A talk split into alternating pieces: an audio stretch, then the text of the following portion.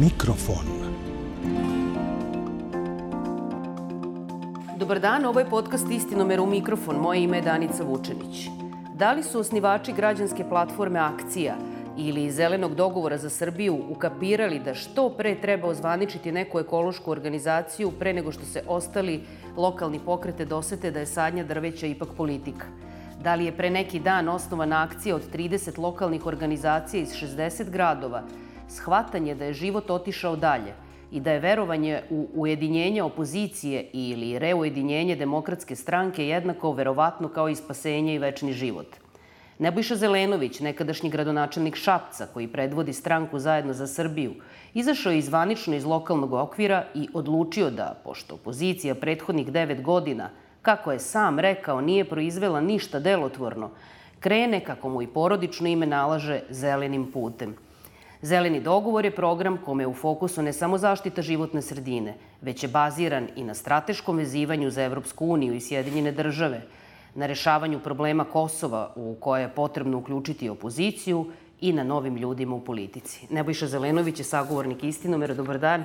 I hvala što govorite za istinomer. Znam da ćete odmah da me ispravite da niste samo ekološki pokret. Ne, neću Nego... uopšte da ispravim, baš sam je odlična najava. Ali, ovaj, e, ja bih da krenemo zapravo od nečeg što je, e, što je nama u fokusu kao tema, a što jeste vezano za ono što vi najavljujete kao, kao, kao vaš fokus, a to je Rio Tinto. I znam da ste rekli da je za vaš ta priča završena kada je Biološki fakultet Univerziteta u Beogradu rekao svoju procenu, uticaja na zaštitu životne sredine e, te, e, te, te organizacije. Ali ono što želim da vas pitam kada je reč o Rio Tintu, jeste da li je Rio Tinto postao politički, geopolitički ili ekološki problem u Srbiji? Šta je od ta tri? Prvo, mi smo se oko toga izjasnili. Izjasnili smo se i kao akcija, kao grupacija koja je nastala. I odmah da kažem, to nije nikako bilo pitanje tretiranja kompanije Rio Tinto, uh mhm. -huh. nego projekta.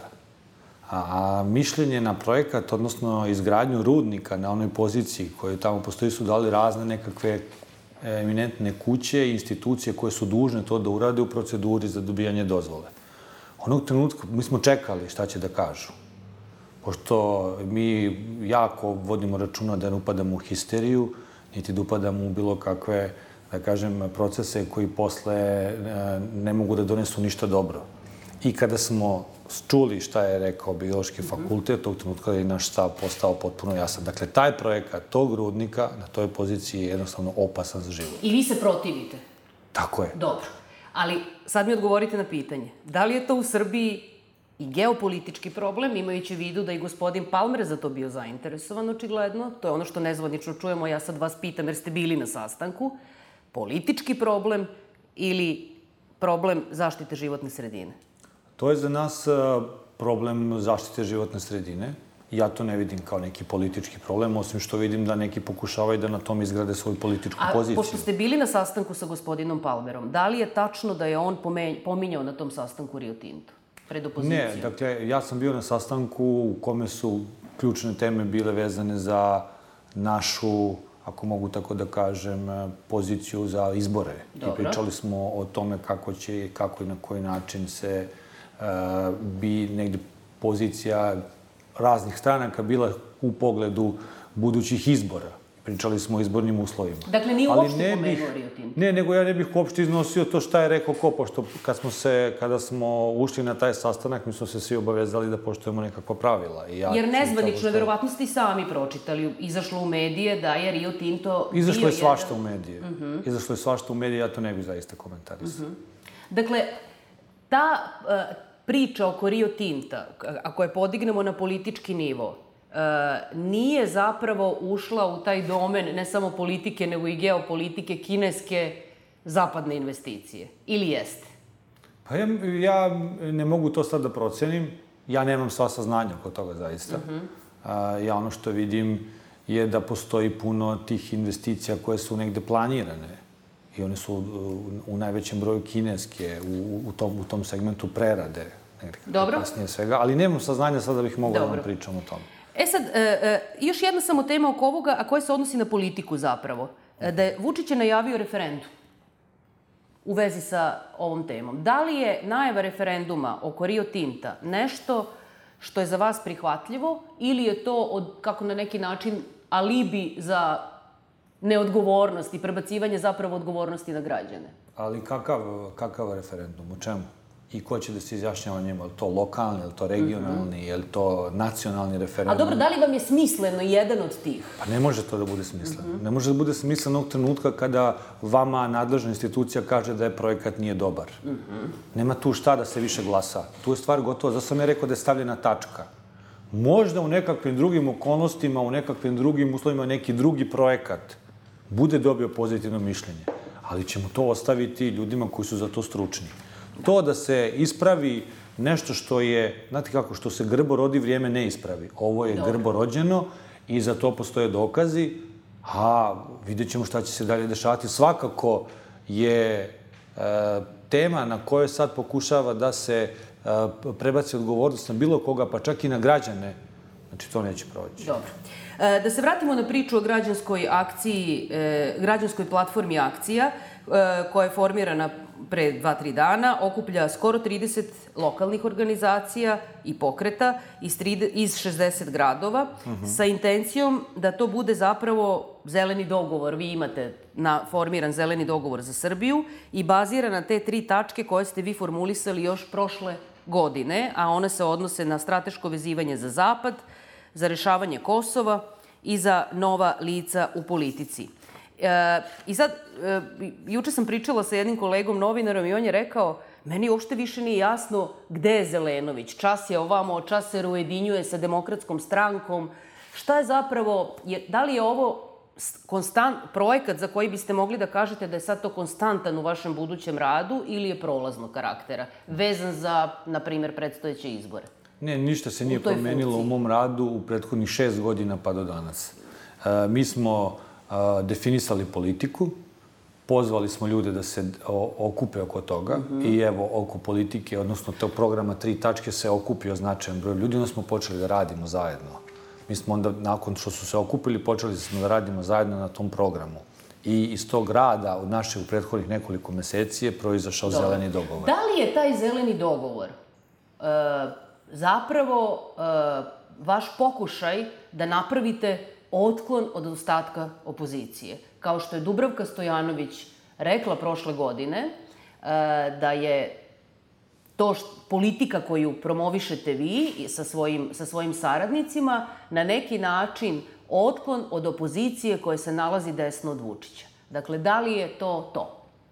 E, znate kako, mi nemamo problem da sarađujemo sa bilo kim, niti da se dogovaramo sa bilo kim oko politike. I moj odgovor na vaše pitanje oko toga zašto bio sam tamo ili nisam bio tamo. Ja sam bio svuda tamo gde može da se napravi neko zajedništvo oko politike. I mi se nismo dogovorili sa demokratskom strankom oko politike. Njima su te tri tačke bile neprihvatljive. Onda smo ušli dalje. Dobro, vam, njima su, ajde tu da se sustavimo, njima su te tri tačke bile nepr, neprihvatljive. Dakle, nismo se, nismo se dogovorili oko politike. U redu. Te tri tačke su neprihvatljive i o drugim partijama u opoziciji. Jasno su se o njima izjasnile. Dakle, da, da li vi onda ovim pravite zapravo od njih otklon?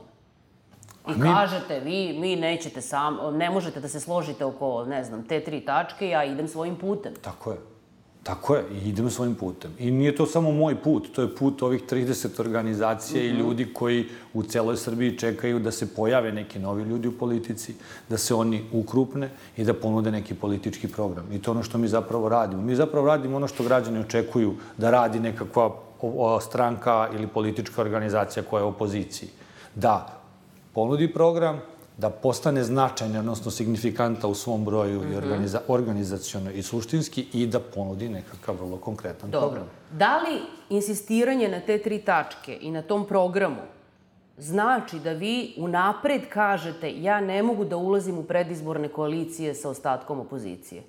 u koje spada i demokratska stranka koja se ne slaže sa te tri tačke, i SSP, i Narodna stranka, i svi oni koji su na neki način sarađivali u bojkotu, na primer. Da, ali se jedan primjer slaže, ne dajemo Beograd. Tako da mi... Ali oni imamo... kažu nećemo u koalicije. Ne, predizborne. ne, ne, ne, pa dobro, mi nismo o, tom, nismo o tome tako razgovarali. Uh -huh. a, mi sa njima imamo jedan bazični dogovor koji je napravljen pre recimo pet ili šest meseci. E, I oni imaju sasvim solidan program za Beograd. Mi imamo program koji bi trebao da donese značajne promene na nacionalnom nivou. Negde nekakvu našu bazičnu saradnju smo a, uspostavili. Ono što recimo sad u ovom trenutku je meni ovako dosta intrigantno je to što da ideju pred izbora niko nije prihvatio i to je jedna važna u meni stvar koja dosta govori e, predizbori su put, zapravo ovo je naša politički program. Pa evo imate organizaciju, pa organizujte u okviru svoje organizacije pred izbore. Tako je, tako je, da. A opozicija šta?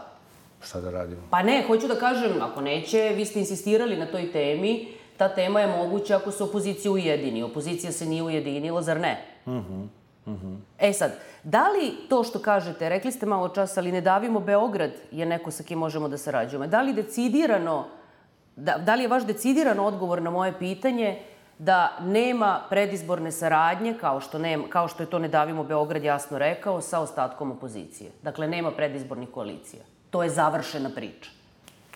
Pa to ćemo da vidimo. Prvo, mi ne znamo kada će biti neki izbor. Do tih izbora ima puno vremena. A, ja razumem potrebu i ne dajemo Beograd da se negde ogradi od, od opozicije u tom smislu. A da li ali... vi imate tu potrebu da se ogradite? Nemam ja ni potrebu da se oko bilo čega ograđujem.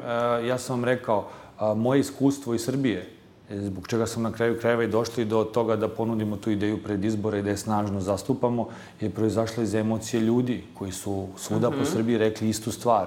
Dakle, mi želimo da vidimo ujedinjenje, želimo da vidimo nekakvo strukturiranje i želimo da glasamo za neke nove ljude. Nažalost, ne možemo da glasamo za ljude koji su sad u ponudi u opoziciji, nećemo za njih da glasamo, ima neki teret prošlosti svake vrste i hoćemo nove ljude. I to ono upravo što mi radimo. To je ono što bi zapravo ta ideja pred izbora mogla i da donese. Dakle, mogla bi da donese nekakvu kompeticiju, mogla bi da donese ono što svi govore da nedostaje, da nedostaje dijalog, pa ajde mi da obezbedimo dijalog bar u opoziciji. Nedostaje debata, Ali ajde, kako debatu. objašnjava, ok, ta ideja predizbora koju vi gurate već nekoliko meseci, Uzalud... Ta ideja se nalazi u našem programu. Zeleno Dobro, u redu, super.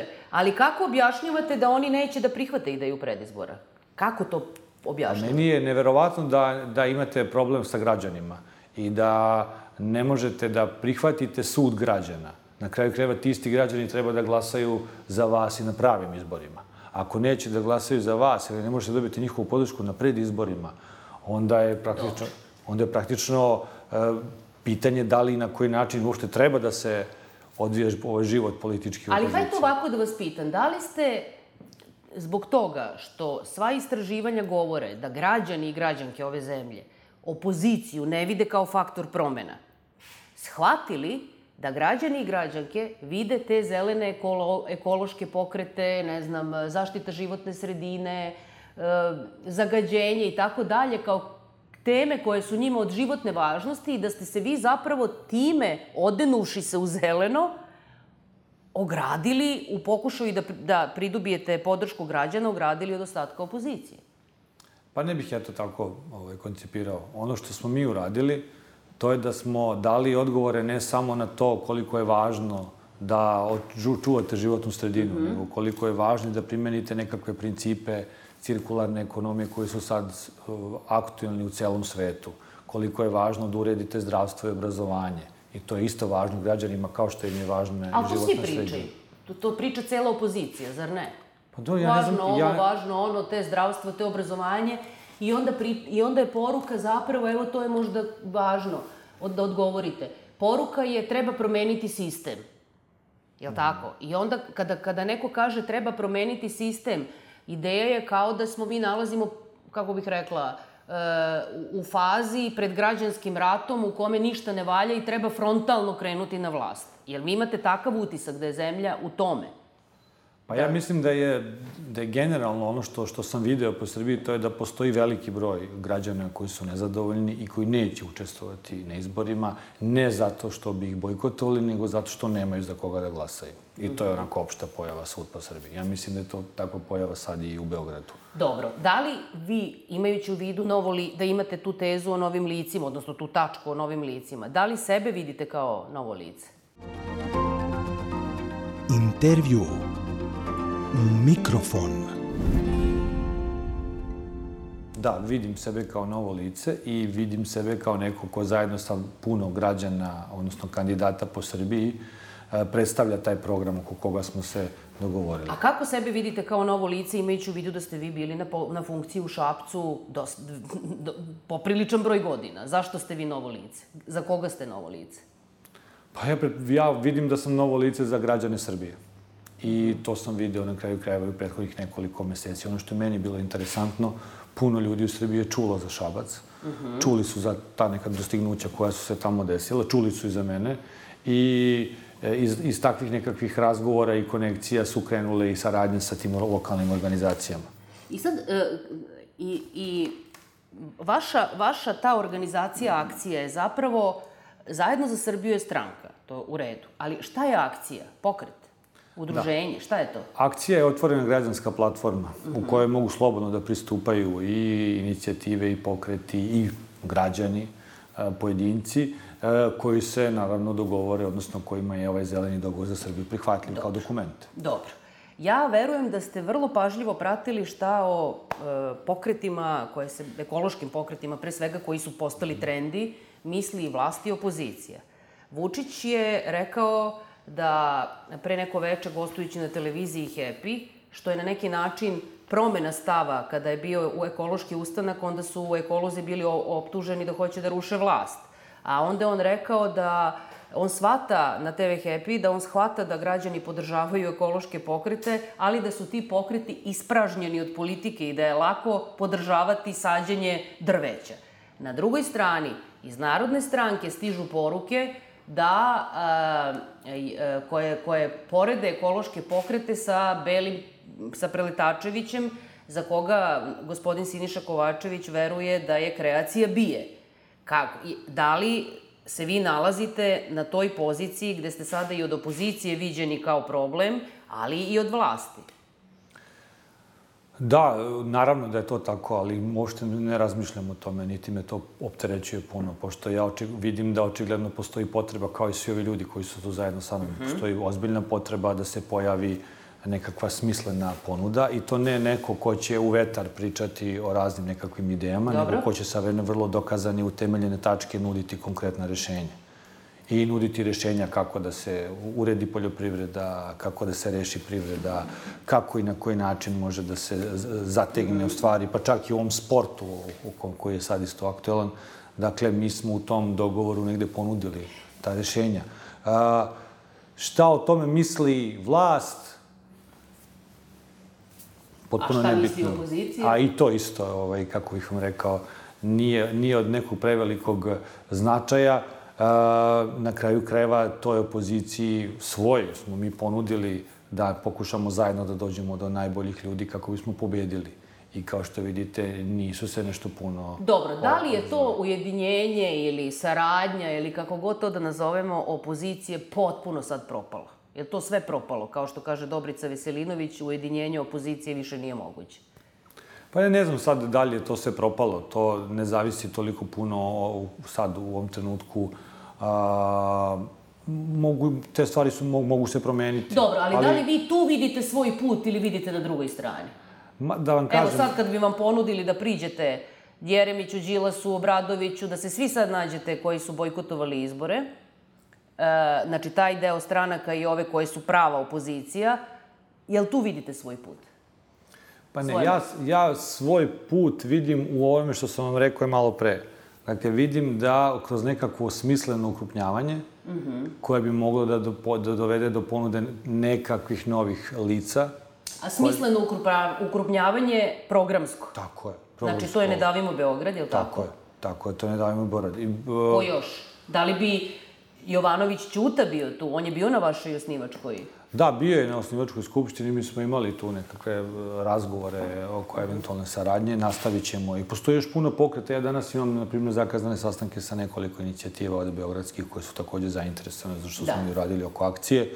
Tako da će se to sad raširiti po celoj Srbiji. E, e Vučić je e, A ovo vas pitam sad u kontekstu vaše I, da, tačke. Da, što se tiče ovog odnosa koji ste rekli, dakle, i vlasti i opozicije, dakle, nemam ja tu šta da se izjašnjavam. Dakle, postoji program, mm -hmm. postoji grupacija, ko ne veruje može da pročita, ko ne veruje može da proveri, da pogleda. Dakle, ovo nisu nikakve isprazne priče o sadnji drveća. Mi smo ponudili vrlo konkretna rešenja za ključne probleme u društvu. Tako da, da. pokušaj da se te stvari obesmisle od strane vlasti ili neki drugih su potpuno... Ali upravo na, na konto te političkog dela, te, kako da kažem, usko političkog dela te, te, te, te vaše, uh, tog vašeg dogovora, to i hoću da pitam. Vi imate tu tačku koja je do, uh, oko, oko toga da treba Kosovo rešiti kao problem što pre i da smatrate da opozicija treba da bude deo tog dogovora, odnosno rešenja. Sam ja to dobro razumela? Da, mi da treba, da, da se uključi uključeni u proces. Vučić je ponudio sada, između ostalog, rekao je zapravo, da će se obratiti Skupštini u vezi sa Kosovom, ali da će razgovarati sa van parlamentarnom opozicijom. Ne znam da li ste čuli to. Čuo sam. Da li ste spremni da odete na taj razgovor? E, spreman sam da odem na taj razgovor. Ja sam rekao i više puta da sam spreman da o, o, o toj stvari koja je jedna od najvažnijih ovaj, mm -hmm. tema e, razgovaram sa, sa, sa crnim đavolom, ako treba. Dobro. A, ono što je važno da se, da se zna, to je da mi ovo već dugo vremena tražimo i da sad ta informacija o, koja je stigla od predsednika bi mogla da bude dobar put. Dakle, da se, da se sedne, da se razgovara oko toga. Iskreno budem, e, nemam naročito poverenje u sve to. To ne bi bilo prvi put da se nešto priča, da se, da se ne desi.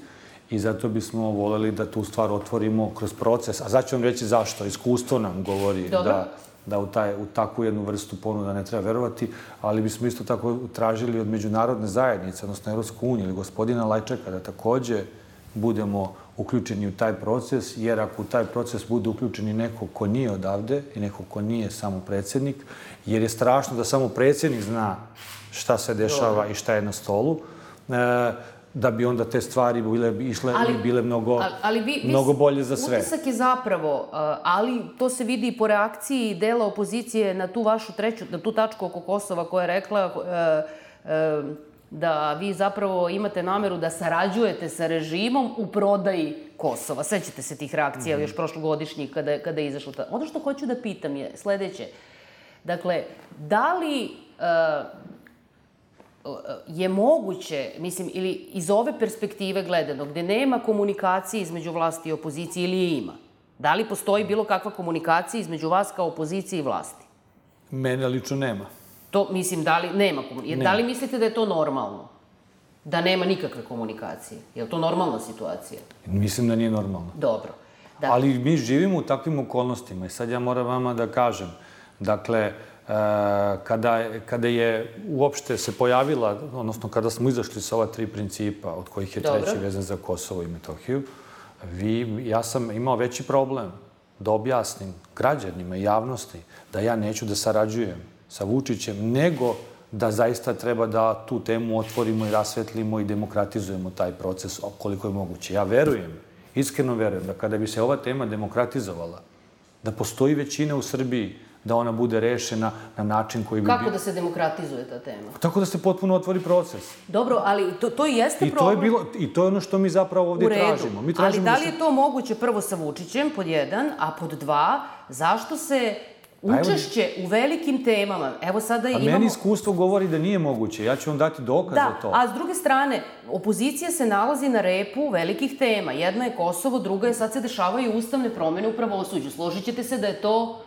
tema koja mora da zanima sve. Tako je. Vi ne učestvujete u tome. Ne učestvujemo. Ne, ni, ni, ni po čemu. Vi ni, ni, ni, ni u čemu ne učestvujete kada je reč o, o, o tome šta će se desiti kada je, o, o, u, u, u, domenu, u domenu pravosuđa, što je deo akcijonog e, plana za poglavlje 23. Da li je to situacija, da li kada biste vi sada izrazili želju da u tome učestvujete, biste bili proglašeni saradnikom režima? Ma ja uopšte se ne bih opterećivao time da li bi me bilo kada bilo šta pro, ovaj, proglasio. Ja vam sad kažem, ja, ja sam, moje iskustva oko toga, u, u, kako rekao, otvaranje bilo kog procesa su jako loša i zato tražimo međunarodnu zajednicu da bude tu.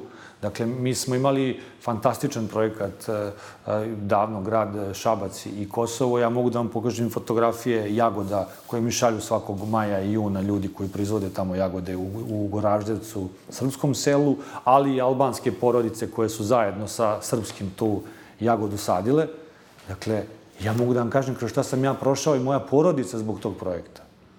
I mogu da vam kažem kako je to izgledalo od, od vlasti, od te iste vlasti koja bi sad, ili od predsednika koji bi sad sve nas u, kako bih rekao, čuo i šta mi imamo da kažemo. Dobro, dakle, i sad to, kad ja je... samo da kažem, ja ne verujem. Jednostavno, iskustvo mi govori da ne treba da verujem. A hoću da učestvujem zajedno sa ljudima koji su sa nama u ovom dogovoru, zelenom dogovoru, u jednom procesu koji će ovde omogućiti da se desi jedan trajni mir i da jednom nekakva naša evropska perspektiva postane realna, da perspektiva, e, za, evropska perspektiva Zapadnog Balkana postane realna i to se ne može desiti bez Evropske unije i Amerike. Dobro. E, kada govorimo o toj komunikaciji vlasti i opozicije koja ne postoji, stalno konstatujemo Srbija je podeljeno društvo, mediji su podeljeni, političari i tako dalje.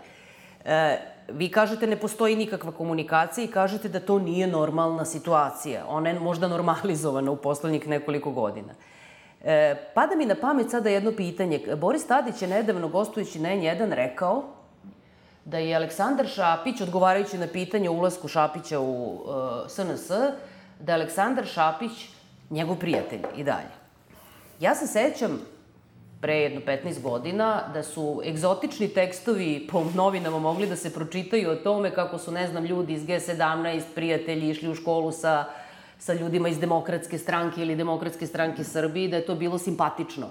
Da li, ono što hoću da vas pitam, o, ovo što je Tadić rekao, onako prosto se čovjek zapita kako su oni prijatelji. Da li vi imate prijatelje, mislim, da li je ta komunikacija politička i medijska dovela do toga da ste vi u svom ličnom životu prekinuli prijateljstva koje ste imali sa ljudima koji sada rade za vlast? Ili i dalje pokušava, da, ili i dalje taj lični nivo nije ugrožen? A, ugrožen je lični nivo, ugrožen je dramatično, ali teško da takav lični nivo možemo da ugrozim, ugrozim ja, na primjer. Nikada nisam na bilo koji način a, razgrađivao nekakve dobre odnose sa, sa bilo kim. Međutim, ovo što mi imamo danas, je zapravo jedno potpuno urušavanje tih nekakvih elementarnih mm -hmm. društvenih odnosa, iz kojih posle bilo kakva saradnja postaje nemoguća. Da li se to, to zato, zapravo to pitam, ne ulazim u vašu da, intimu, da, ali pitam, da li se u vašem životu li, taj društveni nivo i politički prenao na lične odnose? nije samo granice u moj, mom životu, u svačem životu. Mm -hmm. To je poja, opšta pojava. A, Ovde je, kako rekao, postalo potpuno neprihvatljivo da bilo ko ima bilo šta sa bilo kojim članom SNS-a, ne sa funkcionerom, ne sa nekakvim službenikom, nego sa čovekom koji je član takve jedne političke organizacije. I da li to može da se popravi? Pa to ne može da se popravi ili ja, ja bih voleo da, da, da negde u, da takav jedan proces se, o, i, se i otpočne, uh mhm. -huh. ali se plašim da, je, da stvari iz dana u dan odlaze sve dalje. Znate, i, i da se ta stvari onako, onako bespovratno, ulazimo u jedan bespovratan proces. I da li se, sad se vraćam na to pitanje koje sam postavila negde u prvom delu našeg razgovora, da li se to, taj proces može rešiti ili ta stvar može rešiti na izborima ili ne može? Dakle, da li... Pa mislim da bi izbori bili dobar, dobar početak. Ja ne vidim drugi početak. Mm -hmm. Bili bi dobar početak pod uslovom da se desi bar nekakav, ili ne kažem, ajde ne, da ne, to ne zvuči kao da sad ja molim za nešto. Ne, nego da mora se desiti nekakav ustupak i mora se desiti promena u izbornim uslovima i po meni, ono što na čemu ja insistiram u ovim razgovorima sa, sa europarlamentarcima, to je ta nacionalna frekvencija koja je upražnjena. E, video sam da da je ovaj, značajno promenjena medijska slika a, u Beogradu a, i da se više veruje televizijama koje sad tvoj posao rade pošteno nego RTS-u, što se nikada pre Dobro. nije desilo.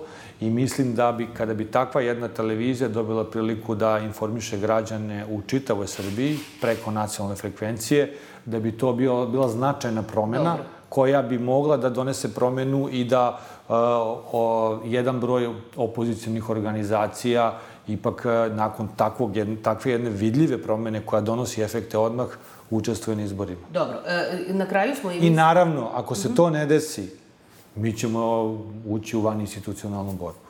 To ste i najavili. Tako je. E sad, da li imate luksus za to, da uđete u van institucionalnu borbu i da ne učestvujete na izborima? Imajući vidu da ste sada već, kako ste rekli, sami na repu događaja.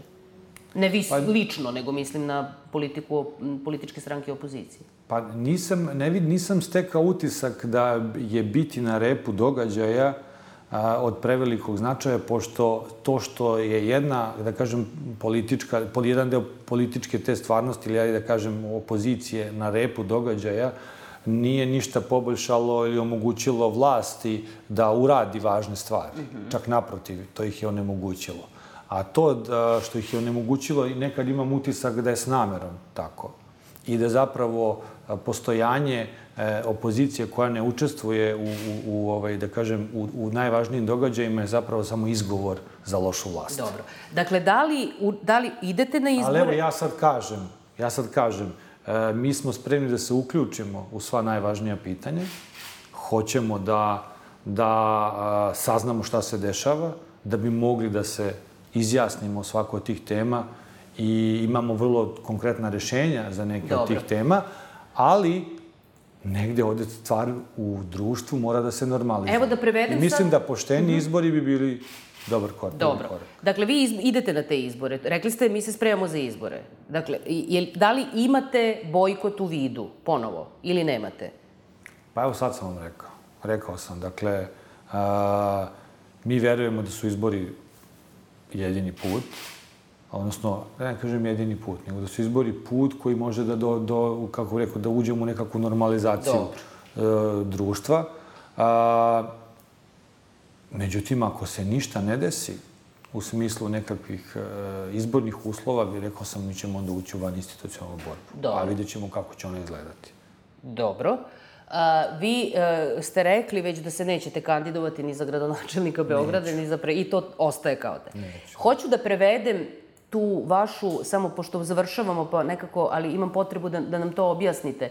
Rekli ste da e, opozicija treba da bude uključena u te velike teme i da ste vi spremni da razgovarate. Da prevedemo to na plan, pričali smo o Kosovu, ali da prevedemo na plan ovih ustavnih, ustavnih promena u vezi sa pravosuđem.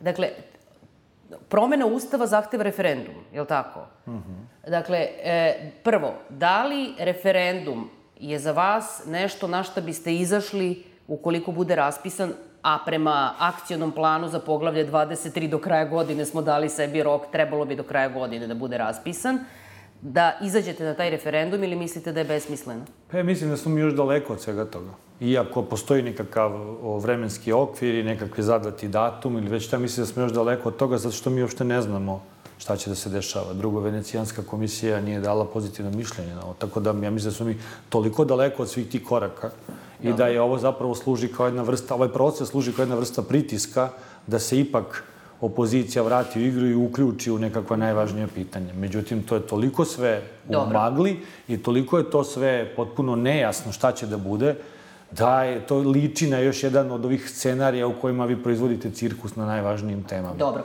Da li je referendum koji najavljuje sada Dačić i ne samo on, zapravo, kako bih rekla, način da se spoje izbori. Referendum mora pre parlamentarnih izbora, pre raspuštanja zapravo Skupštine u, u oči raspisivanja izbornih, izborne kampanje, odnosno izbora.